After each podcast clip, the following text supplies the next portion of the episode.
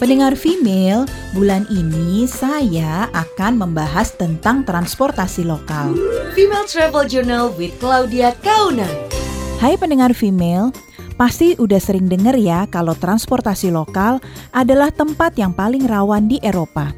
Nah, saran saya nih pendengar female, kalau kita lagi berada di stasiun atau di terminal bis, tetap aware ya sama sekitar, karena pencopet itu beraksi di saat kita sibuk ngejar bis atau kereta, atau pada saat kita naik bis atau naik kereta. Jadi, tetap fokus ya, be safe always pendengar female.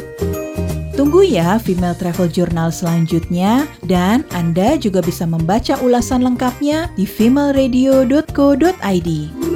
Female Travel Journal with Claudia Kaunang.